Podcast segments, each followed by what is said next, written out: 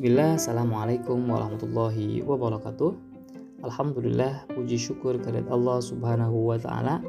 Salawat berserta salam semoga limpah curahkan kepada baginda Nabi Muhammad Sallallahu alaihi wasallam.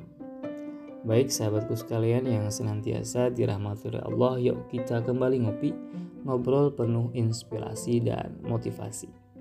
Adapun tema ngopi pada kesempatan kali ini adalah Persaudaraan di ambang batas.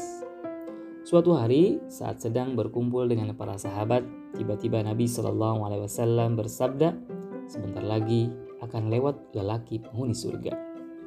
Calon penduduk surga, sungguh vonis yang sangat dini. Para sahabat tercengang karenanya. Aduhai, siapa yang berkelebatan dalam angan-angan mereka?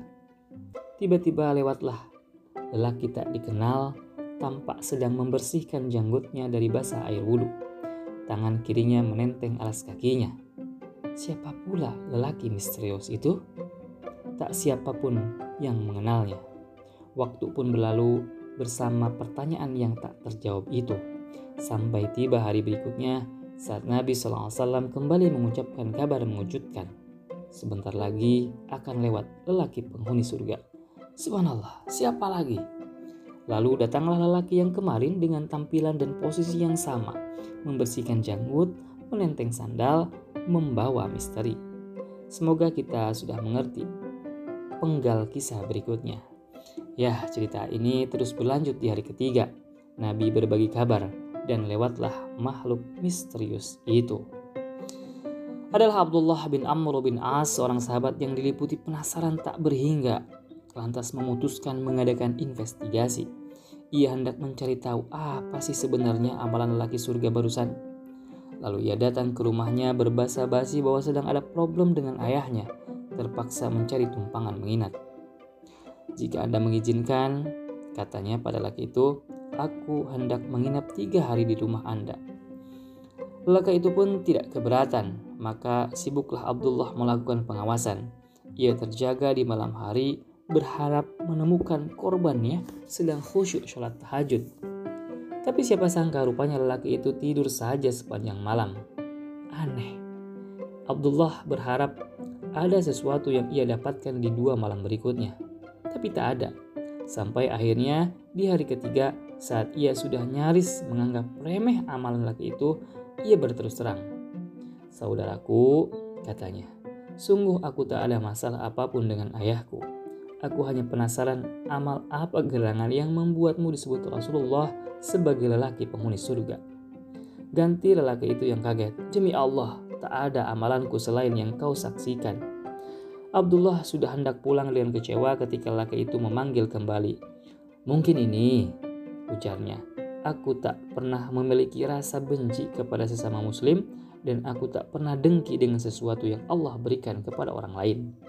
Abdullah lantas berbinar berkesiap. Ini rupanya rahasia amalmu dan ini yang sangat sulit ditiru. Ceritanya memang begitu panjang tapi ini penting sekali khususnya bagi sesiapa yang berharap masuk surga. Bersihkan hati dari rasa benci dan dengki. Sulit? Ya sudah pasti, tapi ini prasyarat. Cerdik pandai mengistilahkan dengan salamatus sodar atau kebersihan hati. Dalam konteks kehidupan seorang muslim, para ulama menyebut ini ambang batas minimal ukhuwah. Adapun laki lugu tak berdosa di atas, kita bisa mengambil sederet pelajaran. Lihat betapa mudahnya ia membiarkan Abdullah bin Amr menginap tiga hari. Tak ada keberatan dan curiga. Hatinya bersih, prasangkanya jernih, sejernih air. Mari bertanya, Berapa banyak energi kita terkuras karena rasa benci? Berapa banyak hati dan amal kita termakan rasa dengki?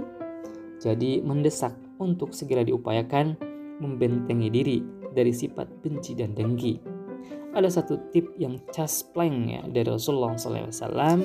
Beliau bersabda, La yuballighuni ahadun min ashabi an ahadin syai'an fa inni uhibbu an akhruja ilaikum wa ana salimus sadar.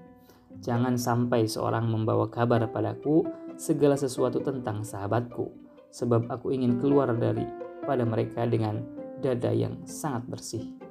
Hadis riwayat Abu Dawud. Batasilah diri dari informasi-informasi yang tidak penting tentang kehidupan orang lain. Itulah intinya. Bahkan Ibnu Qudamah menyebutkan sebagian dari akhlak berdialog adalah jangan bertanya kepada seorang hendak ke mana ia pergi. Sebab bisa jadi ia hendak menuju tempat yang tak ingin diketahui orang. Apa pula perlunya mengabsen segala sesuatu tentang tetangga kita, harga mobilnya, jumlah utangnya, calon menantunya, gelang istrinya. Mungkin saya kadang kagum ya, sekaligus miris dengan orang yang tahu segala informasi tentang orang lain, warisannya, tanahnya, penyakitnya, dan sebagainya. Islam menghendaki kehidupan sosial ini dilandasi dengan hati yang bersih, jiwa yang lapang, jauh dari kebencian dan kedengkian. Maka agama ini melarang kita tajassus serba ingin tahu tentang orang lain. Sikap seperti ini mengotor pikiran, menanamkan prasangka dan kebencian, serta mewarisi kedengkian. Jadi, sahabatku sekalian, mari putihkan hati dan pikiran, sebab hanya itu persaudaraan akan erat bersama menyebut surga yang diimpikan. Wallahu alam. Demikian ngopi pada kesempatan kali ini. Insya Allah kita akan ketemu di kesempatan ngopi berikutnya. Assalamualaikum warahmatullahi wabarakatuh.